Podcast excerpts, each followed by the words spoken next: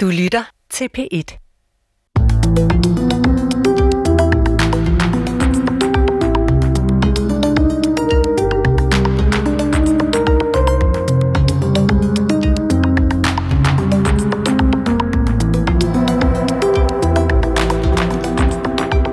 Det gamle testamentes Gud er streng og straffende, mens Gud i det nye testamente er barmhjertig. Der er milevidt fra idealet om øje for øje og tand for tand til at vende den anden kendt til. Af samme grund er der mange, der spørger, hvad skal det gamle testamente egentlig i vores kristendom? Hvad skal vi bruge det til? Velkommen til Tidsånden, hvor vi i dag undersøger, hvad vi egentlig skal bruge det gamle testamente til, og spørger, hvad en moderne læsning af gamle testamente konkret kan få af betydning for vores trosliv. Jeg hedder Christoffer Emil Brun.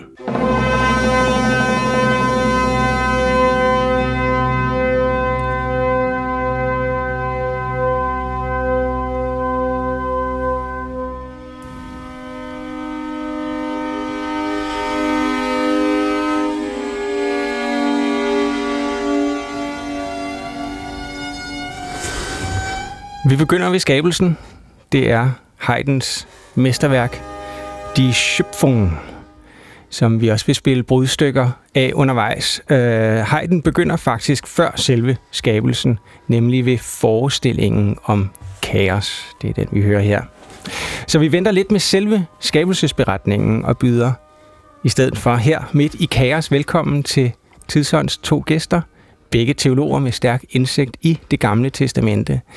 Her i studiet Søren Holst. Velkommen til dig. Tak.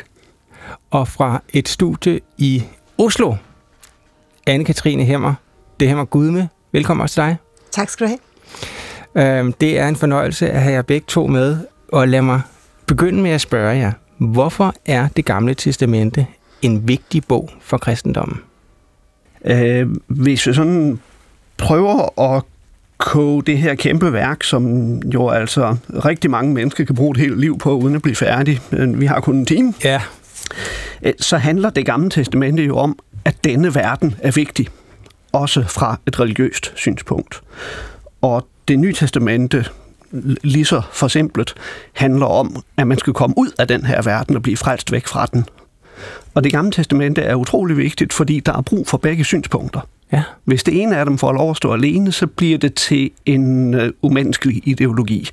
Og især at det nytestamentlige synspunkt, at, at vi skal væk fra denne verden, det bliver jo til religiøst vanvid og til en, en, farlig holdning til mennesker, hvis ikke det bliver afbalanceret Wow. at den gamle testamentlige pointe, at Gud har en mening med, at vi er der, hvor vi er. Ja. Så, så det gamle testamente er vores vej ind i verden, og det nye er vores vej ud, kan man næsten sige. Øh, Det er det, hvis vi siger, at vi, vi læser det i rækkefølge. Ja. Men, men samtidig gør vi jo det, at vi læser dem samtidig. Så, Ja. så det er to forskellige dimensioner på vores liv. Ja. At det, det er vigtigt, at vi, ha- at vi er her, men vi må også gerne tro på, at der er mere end det, der er her. Som du begyndte med at sige, øh, når man læser Bibelen, øh, hvis man gør det, så er det gamle testament jo langt størstedelen af bogen. Altså, når man tager den nye bibel op, som kom her sidste år, så er det jo det sidste centimeter, der er det nye testamente. Det er jo også en stor bog, som I har skrevet øh, om det gamle testamente. Den hedder Gud og os, og I har begge to bidraget til den. Og, og Anne Gud, men du har også øh, været i, i redaktionen. Titlen peger jo på det her forhold mellem, ja, Gud og os. Altså, hvordan skal vi, hvordan skal vi forstå den titel? Hvordan skal vi læse det gamle testamente her i det 21. århundrede? Teologi, det er på en eller anden måde at finde ud af, hvad Gud han ønsker fra os, eller hvordan vi får den gode relation til, til Gud. Og derfor så giver det mening, øh, eller det gav mening for os i redaktionsgruppen, at kalde bogen det, fordi man godt kan se Gamle Testamente som en tekst- tekstsamling, der i virkeligheden giver rigtig mange forskellige, mere eller mindre overlappende bud på, hvad det der med Gud og os egentlig går ud på, og mm. hvor tyngdepunktet i den relation, så at sige, øh, ligger. Og nogle af de punkter skal vi slå ned på også øh, i udsendelsen. Du, nu kaldte du selv Gud for han, hørte jeg. Og, Ja. og, og dit, dit afsnit handler jo netop om maskulinitet i en del af øh, det gamle testamente. Det vender vi tilbage til. Glæder mig til. Noget af det, som forskningen også har interesseret sig meget for, og som man også interesserer sig for på de steder, hvor I har jeres daglige gang, nemlig på universiteterne. Du er på København, og Anne, du er på Universitetet i Oslo. Ja, det er jo sproget. Øh, det gamle testamente er skrevet på hebraisk, og det er den hebraiske udgave, som man læser fra i dag, ikke? Først og fremmest. Først og fremmest, ja. Men tilbage i den her periode omkring Kristi fødsel lige efter, der øh, bliver det gamle testamente oversat til græsk. Øh, og den græske oversættelse hedder Septuaginta. Det er den udgave, som både Paulus og evangelisterne brugte. Der findes altså faktisk to udgaver af det gamle testamente, som er nogenlunde ens, men også kun nogenlunde. Teologiprofessor emeritus Mogens Møller fortæller. Synet på, hvad den græske oversættelse, som fik navn efter sine oversættere Septuaginta, fordi der skulle have været 72, det forkortede man så til 70, mm. som på latin bliver Septuaginta, er, at øh, de, de, de skaber en oversættelse, øh, som man jo til at begynde med har tænkt var ordret identisk med, altså indholdsmæssigt ordret identisk med den tekst, der blev oversat. Altså og, med den hebraiske udgave? Med den hebraiske tekst. Men der er det, øh, da, da de kristne kommer i, i dialog, eller krig med jøderne i det andet århundrede, der viser det sig jo så, at der er faktisk forskelle mellem ordlyden i det hebraiske og i det græske. Øh, mm. Og det, det, det eksempel, der dukkede op med det samme omkring 150 efter Kristi fødsel, og blev stridens æble, ja. det var øh, spørgsmålet om, der i Esajas kapitel 7 stod ung kvinde, som der faktisk gør i den hebraiske tekst, eller om der skal stå jomfru, som der faktisk gør i den græske oversættelse. Og der skal vi lige... Altså, Esajas er jo en af de store profeter fra det gamle testamente. Og når han skriver om en jomfru eller en ung kvinde, så er det med altså, direkte reference til, hvad der kommer til at ske senere, nemlig at Jomfru Maria skal føde Guds søn. Sådan, sådan udlægger de kristne det. Ja.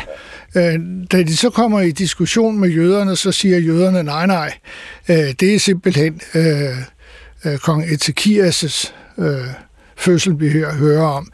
Øh, det er ikke en, en begivenhed langt ude i fremtiden. Og så, så kommer de kristne og siger, jamen der står jo jomfru, og så siger øh, jøderne, nej, det gør der altså ikke i den hebraiske tekst. Mm. Øh, og, og så er der nogen, der siger, jamen så er det fordi jøderne i deres ondsindighed har ændret den hebraiske tekst, men det var selvfølgelig ikke det, der var tilfældet. Og vi ved ikke helt, hvorfor den græske oversætter øh, flere hundrede år senere har valgt at bruge ordet jomfru partenos i i, i sin gengivelse. Det, det er et diskussionsemne for sig selv.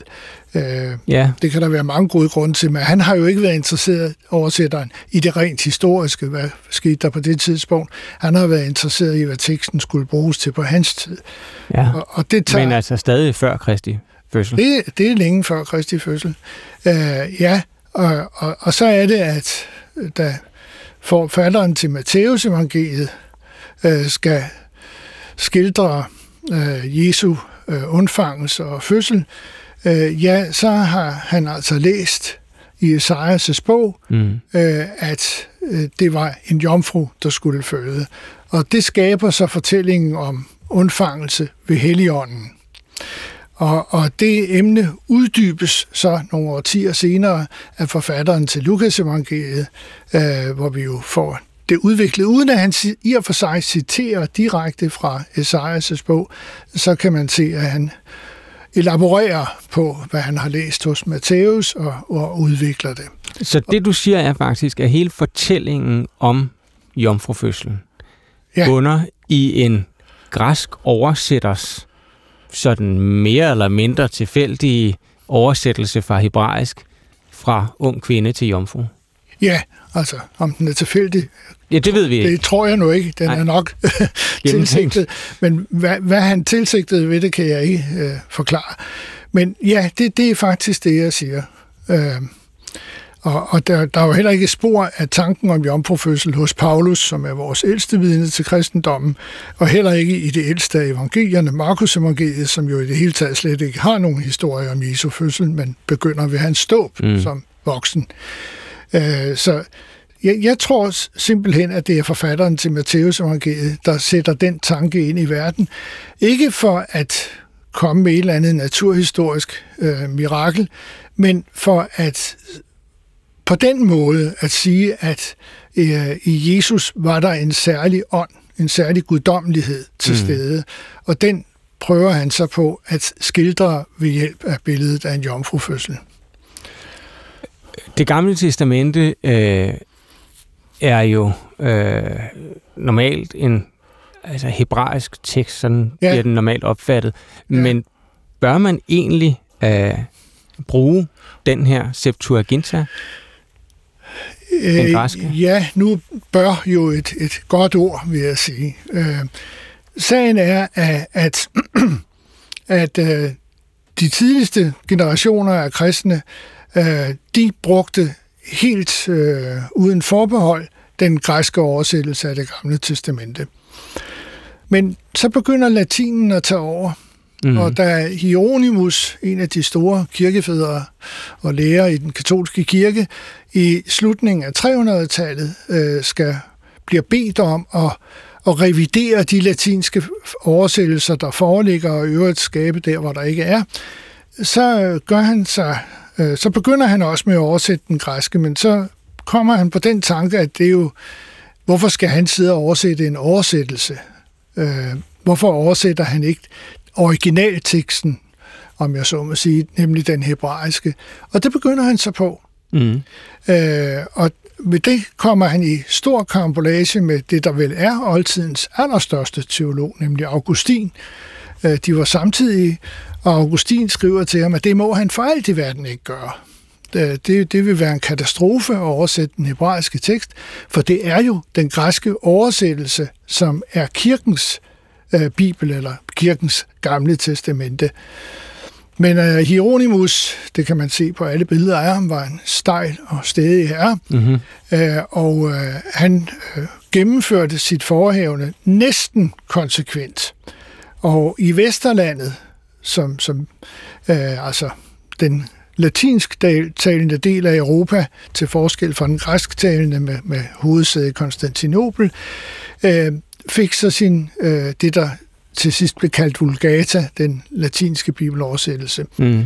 Øh, og, og da Luther så øh, skal oversætte det gamle testamente, øh, ja, så vil han jo meget nødig skulle oversætte Vulgata, altså oversætte fra latin, og så øh, gentager han argumentationen fra Hieronymus og siger, jeg skal ikke oversætte en oversættelse, lad os gå til grundsproget. Og det gjorde man jo det hele taget i renaissancen, mm-hmm. til kilderne. Øh, og, og ligesom øh, Hieronymus var, var Luther fuldstændig overbevist om, at den hebraiske tekst, der forelå, at det simpelthen var originalteksten. Men når man så i dag bliver ved øh, at sige, at den hebraiske tekst er kirkens gamle testamente, ja, så må man i dag sige, ja, det har vi valgt at sige, mm-hmm. men vi kunne nøjagtigt lige så godt have valgt at sige, at den bibel, der var bibel for Paulus og forfatterne til evangelierne og de øvrige forfattere i det nye testamente, det er også vores.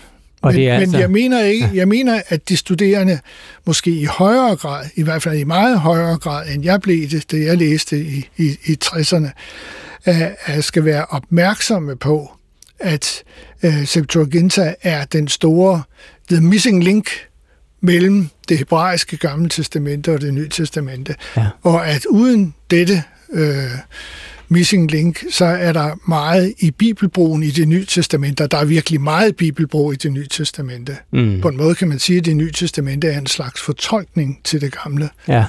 Uh, at det vil blive hjemløst, hvis man ikke har det med. Og det er altså, Du kalder det den glemte bibel øh, i, i din nye bog om Septuaginta, Ja. øh, den græske udgave, som altså blev brugt. Det, det skulle ikke være alt for langhåret en titel, og, og, og det er virkelig en glemt og overset bibel. Ja. Øh, og, og de fleste fortrænger også dens eksistens, vil jeg sige. Men ikke her i programmet. Tidsånd, tak fordi at øh, du gæstede os, Mogens Møller.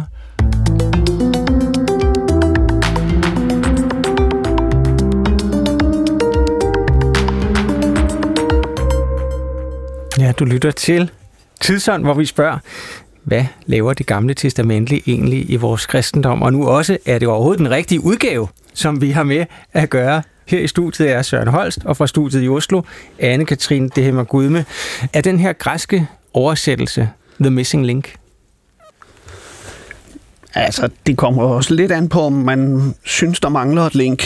Ja. Øhm, må, måske bliver vi lidt lidt på vildspor, fordi øh, vi ikke tænker over, at bogkultur var noget helt andet i oldtiden. Altså man, man kommer næsten til at forestille sig, at man er gået ind i en boghandel i Athen i oldtiden og sagt, jeg vil gerne have det gamle testamente. og så har boghandleren sagt, ja, skal det være den på hebraisk eller den på græsk? Ja. Men, men altså, øh, bogtrykkerkunsten var ikke opfundet dengang, og bøger var sjældne og vanvittigt bekostelige. Så langt de fleste gange, når en forfatter til det nye testamente eller en kristen kirkefader citerer det gamle testamente, så citerer han efter hukommelsen. Og det vil sige, at han citerer sådan set ikke nødvendigvis en bestemt udgave. Nej. Altså, der, der er jo en, en glidende overgang, eller snarere en dobbelthed, at det der gamle testamente, som er grundlaget for det hele, ja, det findes både på hebraisk og græsk. Og jo ikke bare øhm, i én udgave på hverken hebraisk eller græsk, men i virkeligheden i mange udgaver. Mm-hmm. Øhm, og, og i takt med, at vi bliver bedre og bedre til at forstå det, øh, så tror jeg egentlig også, at det, som Mogens var inde på, at Septuaginta har været i baggrunden, den har været overset og glemt og gemt, at det bliver den i mindre og mindre grad, fordi når vi for eksempel sidder og laver oversættelse, øh, som Søren jo har været meget, meget aktiv med at lave den nye 2020-bibel, Ja. Øhm, jamen altså, så sidder man jo og oversætter fra en såkaldt tekstkritisk udgave af det gamle testamente på hebraisk, men det der ligger i, at det er en tekstkritisk udgave, det er jo netop, at man forholder sig både til forskellige manuskripter, men også forskellige oversættelser. Og så, så på den måde, der kommer Septuaginta jo sådan set så får den jo lov at komme med til festen igen, kan man sige. Jamen altså, ja, du har jo siddet øh, til den fest, Søren, som, som Anne her fortæller om, for du har øh, haft en stor andel i den nye øh, bibeloversættelse, som, som vi også har liggende her. Øh, og, og hvordan, hvad så du til øh, hebraisk, græsk? Øh, hvordan var fordelingen der? Det er jo rigtigt nok, som øh, Mogens Müller sagde, at øh, vi, vi har truffet det valg, at den hebraiske tekst er kirkens gamle testamente som udgangspunkt, fordi man kan ikke oversætte to tekster på én gang. Nej. Det bliver i hvert fald svært. Øh, Så det, det vi typisk gør, er, at vi starter med den udgave, som rabineren læser højt af hen i synagogen lørdag formiddag. Altså det, den standardiserede hebraiske udgave. Mm. Og så hver gang der er et problem, så kigger vi ned i fodnoterne, som blandt andet henviser til den græske udgave. Hans kerneeksempel er jo det her med ung kvinde eller jomfru. Hvordan er det nu, det lyder i, i din oversættelse? At nu er det ikke mig personligt, der har oversat lige præcis det sted, men øh, det skal der ikke komme an på. vi, vi bladrer Åh oh, ja, det, øh, i den gamle altså bog. det, det, det, det kildende er jo, at øh, på hebraisk står der almar, som bare betyder en ung kvinde i den giftefærdige alder, og en ung kvinde i den giftefærdige alder vil jo i den kultur typisk være jomfru. Ja. Så, så det er ikke fordi, at de to tekster siger det modsatte af hinanden. De har bare en forskellig nuance. Men på græsk er det så blevet til øh, øh, partenos, Ja. som man godt kunne have sagt på hebraisk. De kunne bare have sagt betular, hvis de ville understrege, at hun var jomfru. Men de brugte altså et ord, der bare betyder en kvinde i den alder, hvor man Ja. er jomfru, indtil man bliver gift. Og men der står, og det er jo ham her, kong Akas, der øhm, går profeten på nerverne, og så, så siger profeten, øh, Gud skal nok selv give folket et bevis, når du nu afslår at få et tegn fra ham. En ung kvinde skal blive gravid. Ikke engang den unge kvinde, som der vist nok stod i den gamle oversættelse, men en ung kvinde skal blive gravid, hun skal føde en søn, og hun skal kalde ham Emanuel, som betyder Gud er hos os. Ja, han er, og det er altså øh, fra Isaias, og det er så den hebraiske, øh, kan vi, kan vi øh, konkludere, som der er blevet brugt her. Øh, hvor er det en fornøjelse at være så helt nede i det tekstnære, øh, det er det, men vi hæver altså, altså også lidt op nu, fordi I har jo begge to skrevet om, kan man sige, emner inden for det gamle testamente i den her øh, store nye bog, Gud og os. Øhm, Anne, du har skrevet om noget så moderne som kønsidentitet, nemlig om maskulinitet i Samuels bøgerne. Og det er jo her, at vi møder den legendariske David, en held, som med list vandt over kæmpen Goliat, men jo også ham, der sender Urias i døden for at tage hans kone fra ham. Ja. Øhm, hvad er det for et mandeideal? øhm, der var en øh, britisk forsker, der hedder David Klein, som var en af de aller, aller første, der kiggede på maskulinitet i Gamle Testamente, og han skrev en, en øh, episk artikel, der hedder David the Man. Og, øh, og i David the Man, der bygger Kleins, altså et gammelt testamentligt maskulinitetsideal op omkring David-figuren. Og, øh, og, og det vil sige, at den gamle testamentlige mand, det var en, der kunne slås, det var en, der så godt ud, Øh, det var en, der øh, havde øh, held med damerne, men som ikke brugte for meget tid sammen med damer, fordi han var i virkeligheden mere sammen med sine mandevenner. Øh, så var det en, øh, der øh, havde gode lederegenskaber, Øhm, og, og sådan var en god øh, taktiker, altså var klog og vis. Ja. Og så sjovt nok, fordi det her ideal var bygget op omkring David, så var en rigtig mand i det gamle testamente også en, der var god til at spille på harpe. øh, så det var den, man ikke havde set komme.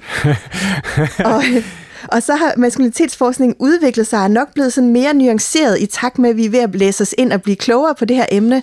Og øh, altså noget af det, som jeg så har forsøgt i kapitlet her i bogen, øh, det har været at sige, at jeg tror simpelthen også, at relationen til Gud er med til at forme det her maskulinitetsideal. Spændende.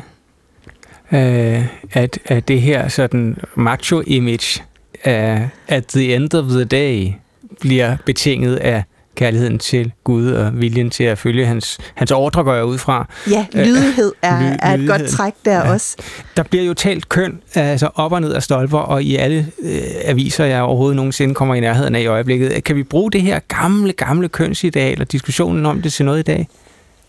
Ja, jeg synes, vi kan bruge det til rigtig meget. Det, man kan starte med, det er jo for eksempel at interessere sig for maskulinitetsidealer i en gammeltestamentlig tekst, og så kan man bruge det til at reflektere både over tekstens øh, idealer og vores egne, og se dem sådan lidt øh, udefra på en måde. Mm. Og det synes jeg er utrolig værdifuldt, og det kan man jo gøre med køn og maskulinitet, men man kan også gøre det med utrolig mange andre ting i virkeligheden ja. øh, i de her tekster. Hvor er det spændende. Og en af de andre ting øh, kunne vi jo passende slå ned på, øh, som, den, øh, som den du har beskæftiget dig med, Søren. Øh, fordi du skriver ud fra øh, første Mosebog. Det er jo her, vi har skabelsesberetningen, eller beretningerne, for at være helt præcis. Øh, men det, du beskriver, er sådan set bevægelsen fra, øh, fra den her skabelse, og så over i en øh, slægtsbeskrivelse af en art. Øh, vi kan lige begynde med at høre et af musikhistoriens øh, helt store øjeblikke. Det er Haydns udlægning af skabelsesberetningen. Prøv at høre med. Im Anfange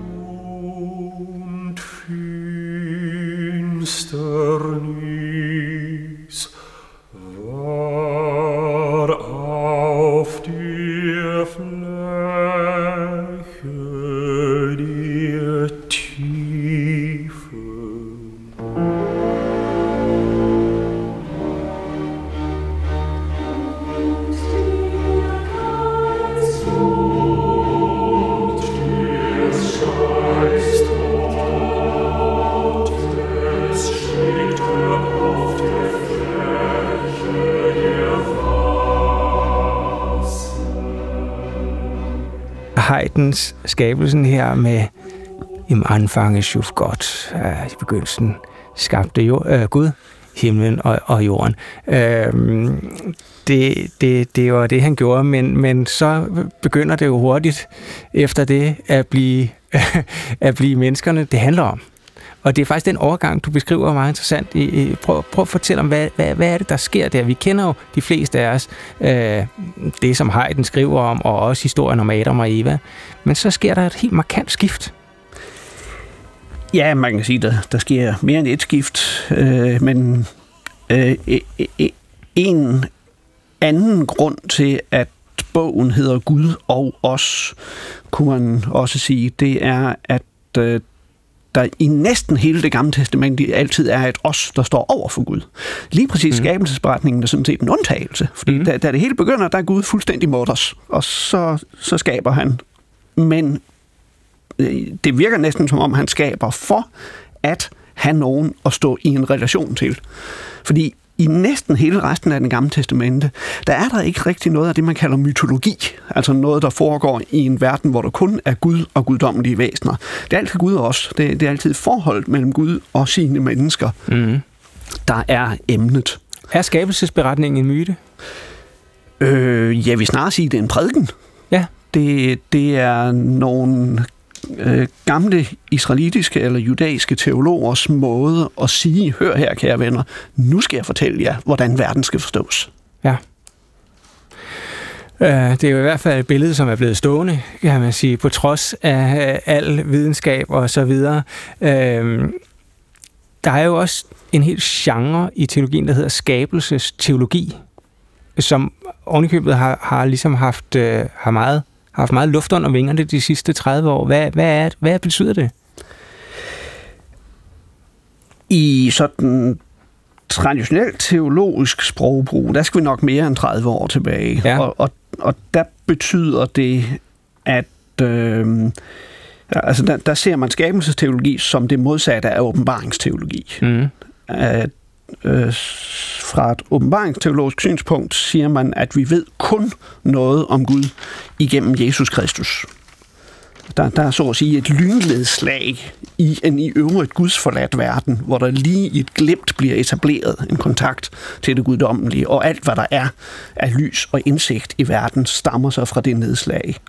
Hvorimod en skabelsesteologisk tilgang ville sige, at hvis Gud skabte verden, så kan det godt være, at der er noget galt i verden, men det kan ikke passe, at det hele er galt. Der, der, der er noget guddommeligt til stede hele vejen igennem og alle steder i systemet. Og derfor er det muligt at lede efter indsigt i det guddommelige, ikke kun i det der lynnedslag for 2000 år siden, men også alle andre steder i systemet. Hvilken en af de to øh, abonnerer I på? Jeg hælder nok til det skabelsesteologiske. Det kan det, være, det er derfor, jeg er blevet gammel. Ja, det kan jo være. Ja. Ja, jeg er med på det hold, og jeg tror muligvis også, det er derfor, jeg er blevet gammel testamentler. nu, ja. nu springer vi ud. det er det gamle testamente, det handler om i dagens udgave øh, af Tidsånd. Øhm, og øh, vi, vi, vi runder lige skabelsen af med endnu et, et højdepunkt fra Haydns storslåede værk. De himmel erzählen de ære Gottes, altså himlen fortæller om Guds ære. Det lyder meget skabelsesteologisk. Prøv at lytte med.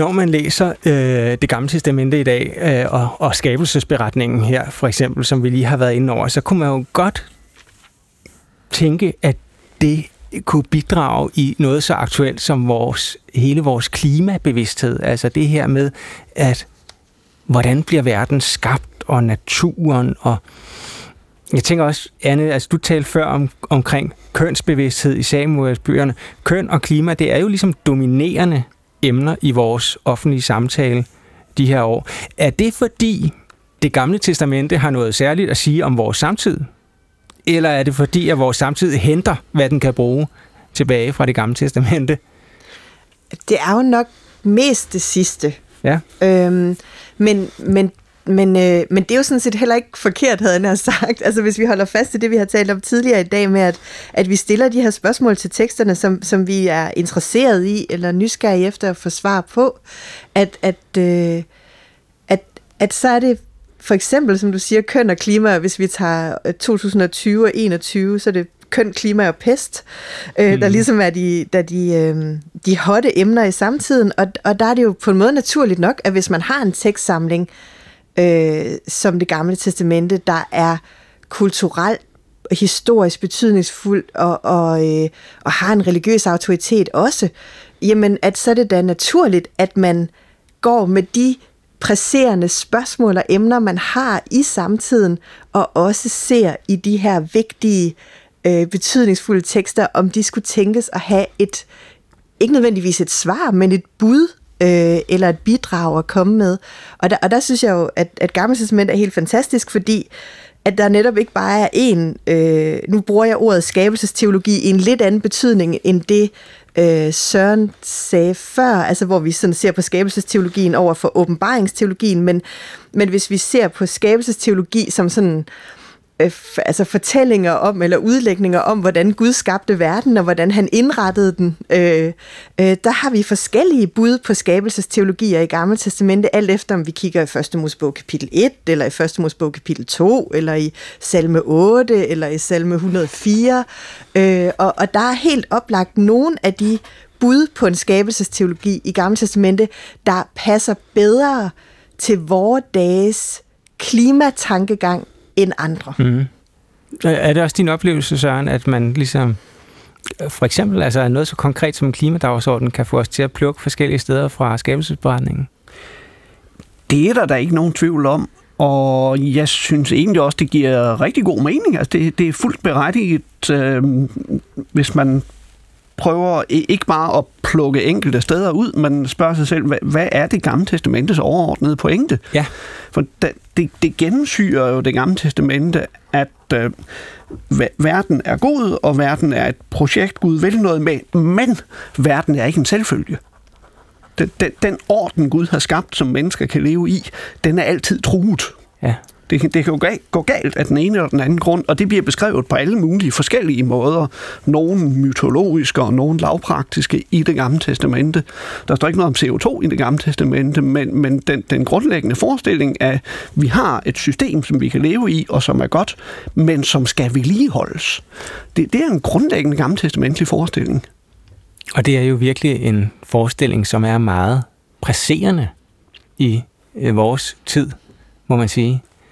Øh, tidligere, der har man slet ikke interesseret sig så meget for det gamle testamente, som man har gjort her i, i nyere tid øh, på de her kanter. Det, man tror måske, at, at der har der altid været læst op af det gamle testamente øh, i kirken søndag morgen, men det er på ingen måde tilfældet. Det var faktisk først i 1992, at man begyndte på det.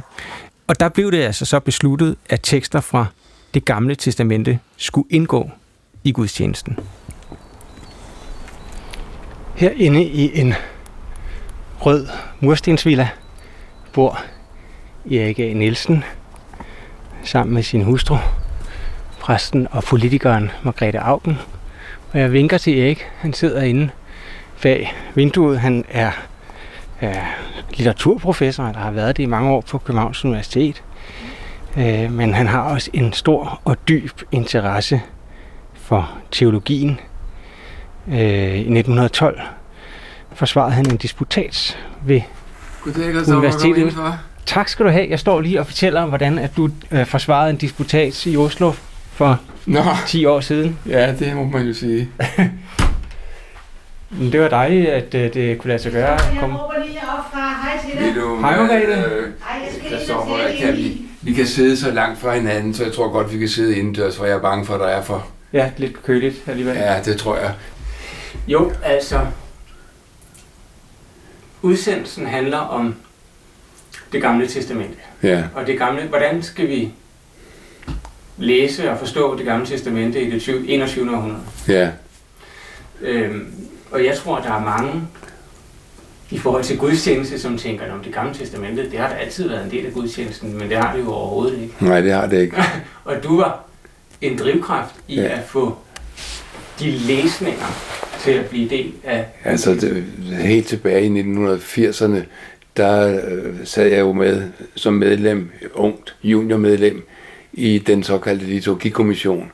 Ja. som havde fået til opgave at revidere samtlige ritualer i gudstjenesten, men specielt de gudstjenestlige læsninger.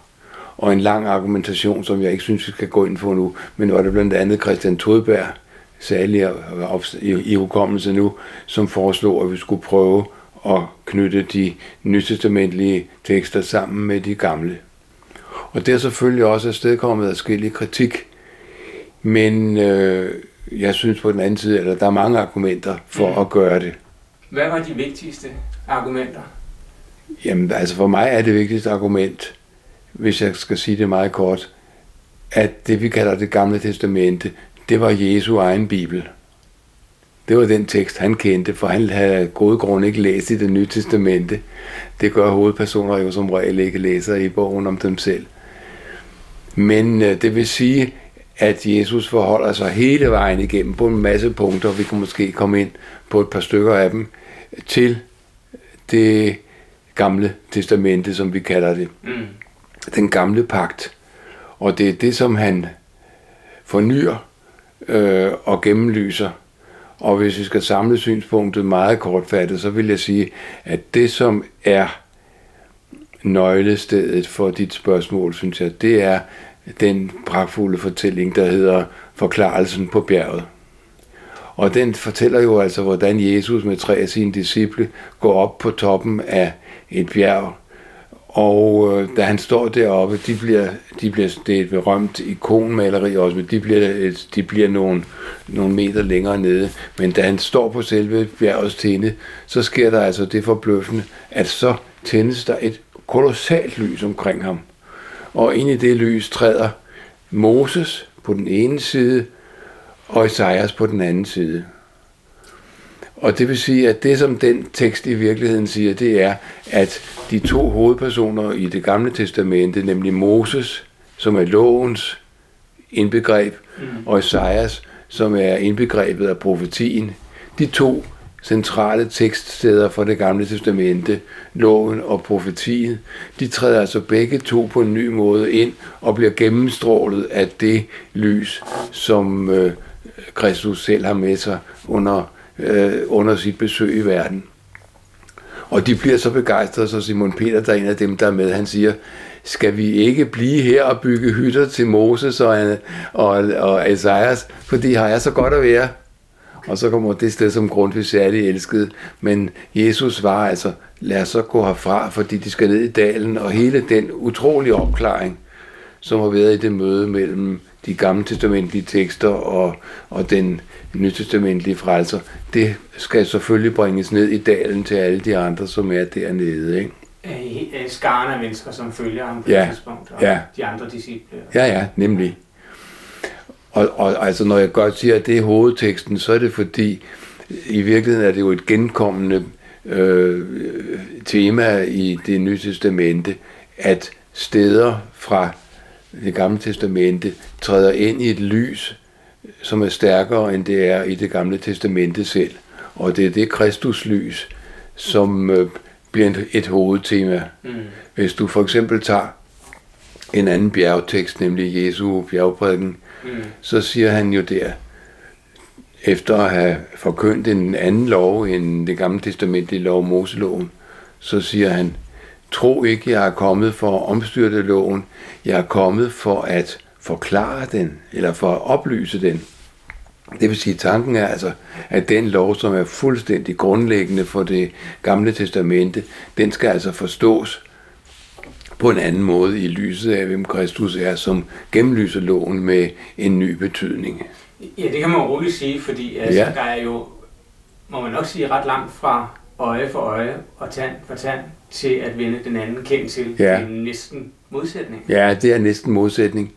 Men altså, så kan man sige, så kunne det jo bare betyde, at så skal alt, hvad der hedder regnskab, som ligger i øje for øje og tand for tand, så skal alt det omgives. Men det er ikke det, han siger. Han siger bare, at man skal blive klar over, at der er en større nødvendighed i øh, tilgivelsen og hjerteligheden, end der er i, øh, i den der strenge lov. Ja. Og det er jo altså så et af de hovedtemaer, som jeg mener øh, går igennem. Og når Paulus til sidst skal gøre det tema op, så skriver han til menigheden i Korinth meget vidunderlige ord, som også forholder sig til Moses og til det gamle testamente.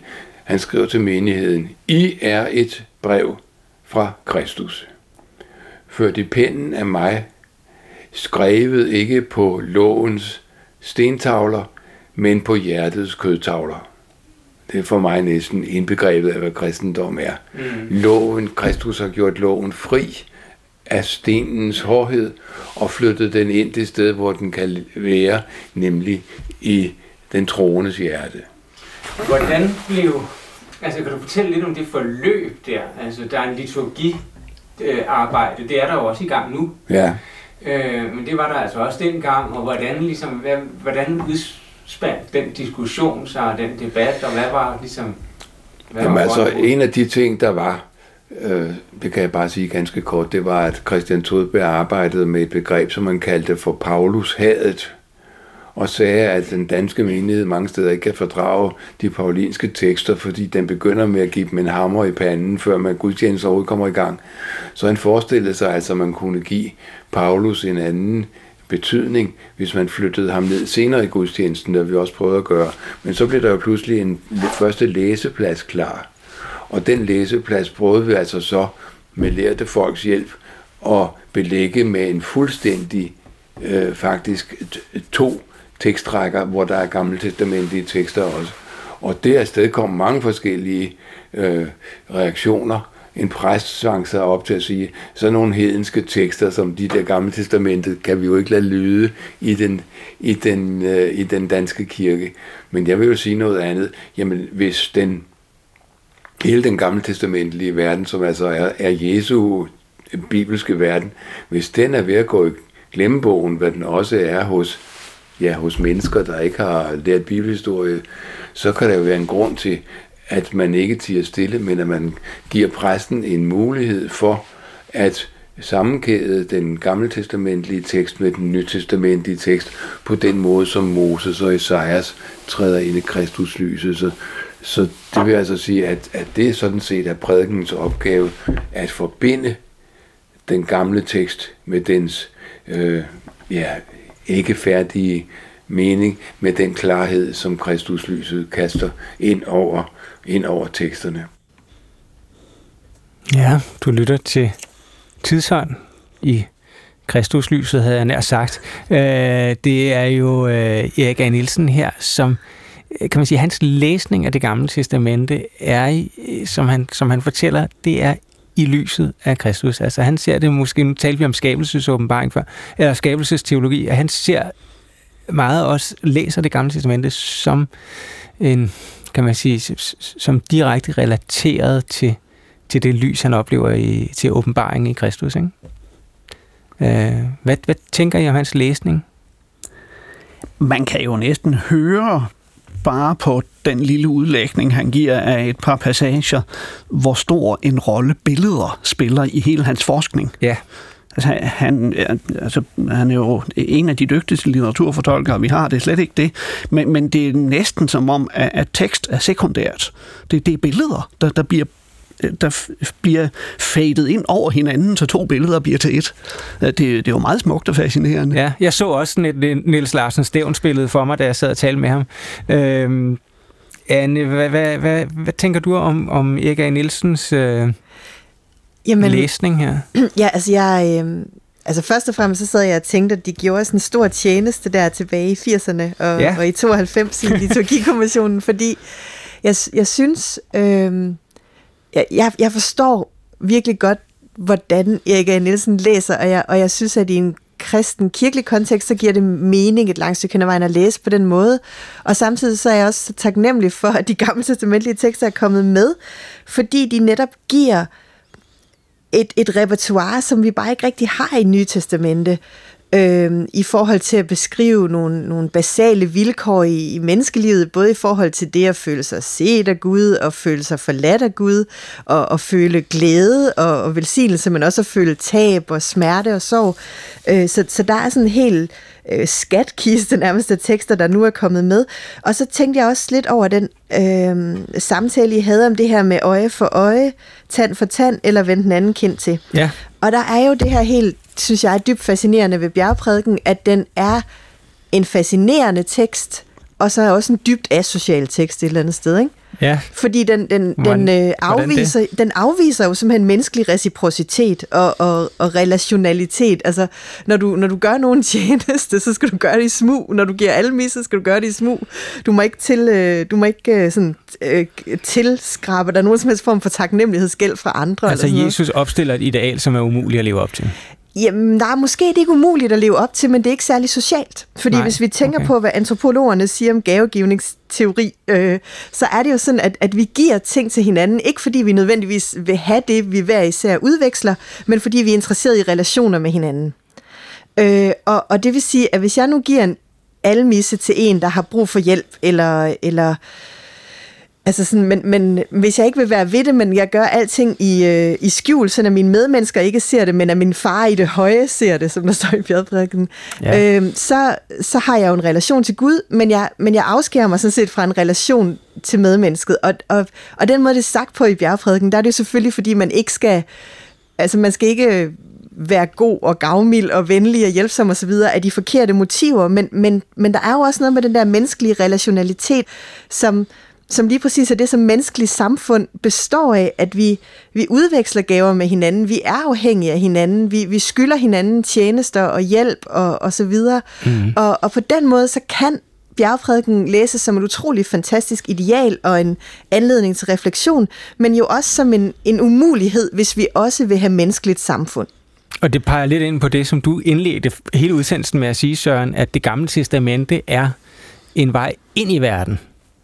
Altså, at den går måske øh, altså, med, med al dens, alle dens mange love, som jo altså øh, helt konkret ikke er noget, vi kan eller vil efterleve, alligevel med til at placere os i denne verden. Det tror du har fuldstændig ret i. Og måske overdriver vi lidt, når vi siger øje for øje og tand for tand, og så tænker vi blodtørstig hævngærighed. Mm. Øh, Det handler jo først og fremmest om erstatningsansvar.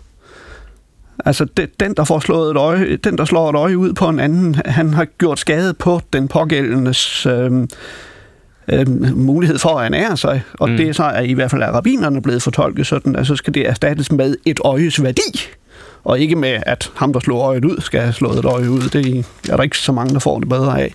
Men, men altså, uanset om det skal fortolkes på den ene eller den anden måde, så er det jo en grundlæggende tanke, at det skal fortolkes og bruges i praksis. Fordi det gamle testamente er en tekst, der udspringer af et samfund, der skal fungere, hvorimod det nye testamente udspringer af en magtesløs minoritetsgruppe.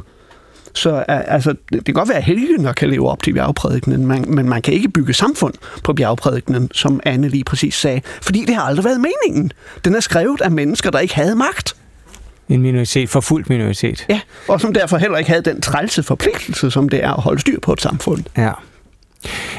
Det her lidt barske, øh, eller det, der kan synes barsk i det gamle testamente, har jo gennem tiden fået folk til at øh, forholde sig ret kritisk over for det. Øh, og derfor har der også været den her diskussion, som vi lige var inde over, øh, omkring, skal den egentlig fylde noget i gudstjenesten eller ej? Det kom den til i 90'erne, og Anne, du takkede Erik A. Nielsen for det. En, der takker ham lidt mindre, er professor Mogens Møller. Det har vi hørt tidligere tale om den græske udgave af det gamle testamente. Øh, hør her, hvad han mener om det gamle testamentes indplacering i gudstjenesten. Jeg mener, øh, at hvis øh, det gamle testamente øh, skal indgå øh, i gudstjenesten som læsning, øh, så må det være de dele af det gamle testamente, som åbner sig mod det, som øh, bliver evangeliet i det nye testamente. Øh, der kan det være ganske øh, udmærket at have øh, øh, en læsning fra det gamle, som så bliver fuldt op Mm. men, men det gamle testamente, læsninger fra det gamle testamente, de kan være smukke, øh, og de kan være forfærdelige øh, for deres egen skyld. Øh, det, det mener jeg er en misforståelse. Hvorfor? Fordi de øh, afspejler en, en, altså grundlæggende, de er skrevet ud for en anden gudstro, de afspejler en, en anden religion, end, end den, der øh, øh, kommer til udtryk i det nye testamente. Øh, men de steder, der åbner sig, der hvor der tales om en ny pagt, der skal komme i de sidste tider, som jo er det, de kristne mente, at de var opfyldelsen af. Mm. Det giver meget god mening, og der kan også være en række andre steder, der giver god mening. Men ikke bare fordi der skal være en læsning fra det gamle testamente. Der er jo i øjeblikket et nyt liturgiarbejde i gang. Øhm, nu har vi hørt nogle forskellige udlægninger, nogle forskellige syn på Øh, det gamle testamente og deres, dets berettigelse, kan man sige, eller relevans. Øh, Mogens Møller og Erik A. Nielsen tilhører en generation, som er ældre end øh, ja, begge to, Søren Holst og, øh, og Anne-Katrine Dehemmer Gudme. Hvad er jeres holdning til, øh, hvad det gamle testamente skal øh, fylde i den danske gudstjeneste? Jeg synes jo ligesom Anne, at vi har grund til at være Erik A. Nielsen taknemmelig for, at han var med til at få det gamle testament ind i gudstjenesten, men det behøver jo ikke være det sidste, der er sagt i den sag. Nej. Det kunne være, at man kunne forbedre rammerne.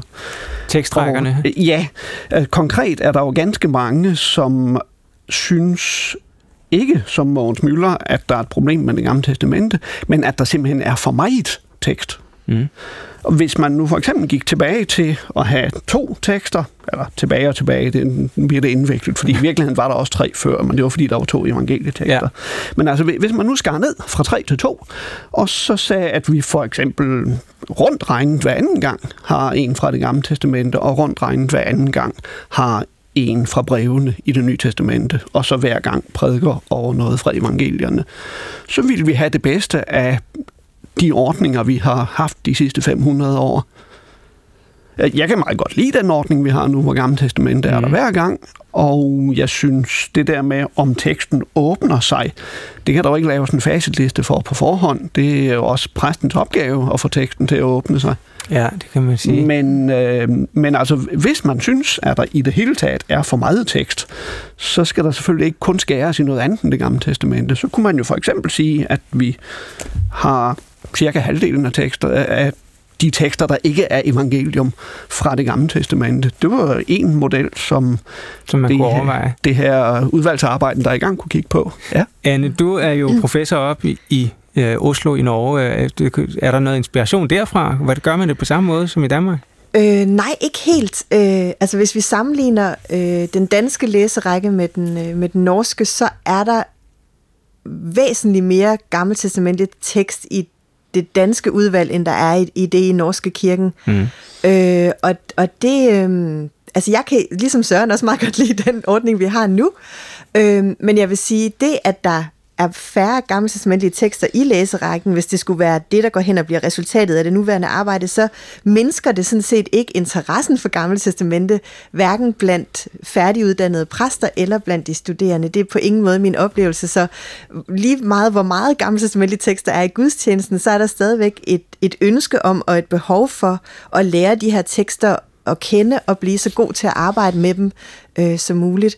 Og så hvis jeg må tilføje et, Altså nu, nu fik vi i lydklippet der øh, at vide, at, at der var nogen, der havde omtalt det gamle testamente som en, en hedensk tekst, så det kan godt være, at det her det ikke er et fromt ønske, men, men så måske et, et ikke fromt ønske. At jeg vil jo synes, det var helt fantastisk, hvis vi kunne få nogle af de tekster med, som er svære. Mm. Altså, at, øh, at man ikke sådan altid bare metodisk går udenom dem, der er uforklarlige, eller provokerende, eller problematiske. Og nu ved jeg godt, nu går jeg helt i den modsatte grøft af, hvad Mogens Møller sagde tidligere.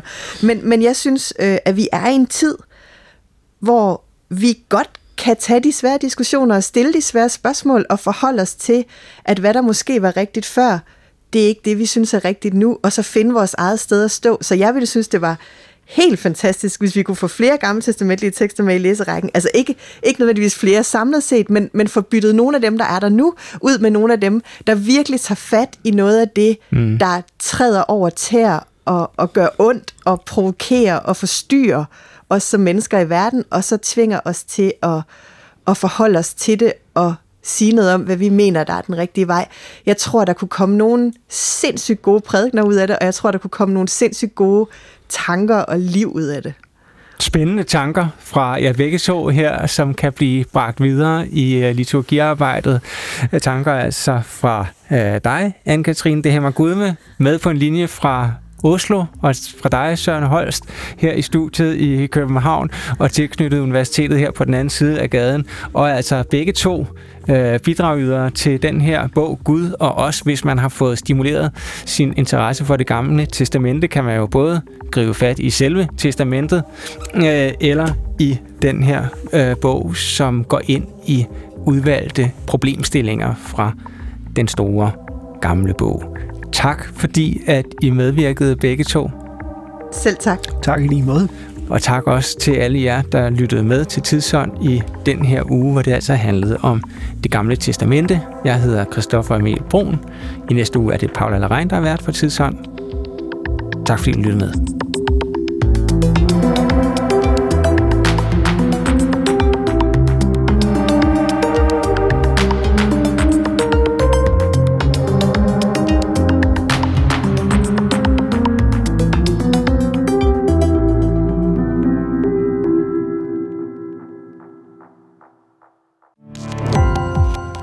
Gå på opdagelse i alle DR's podcast og radioprogrammer. I appen DR Lyd.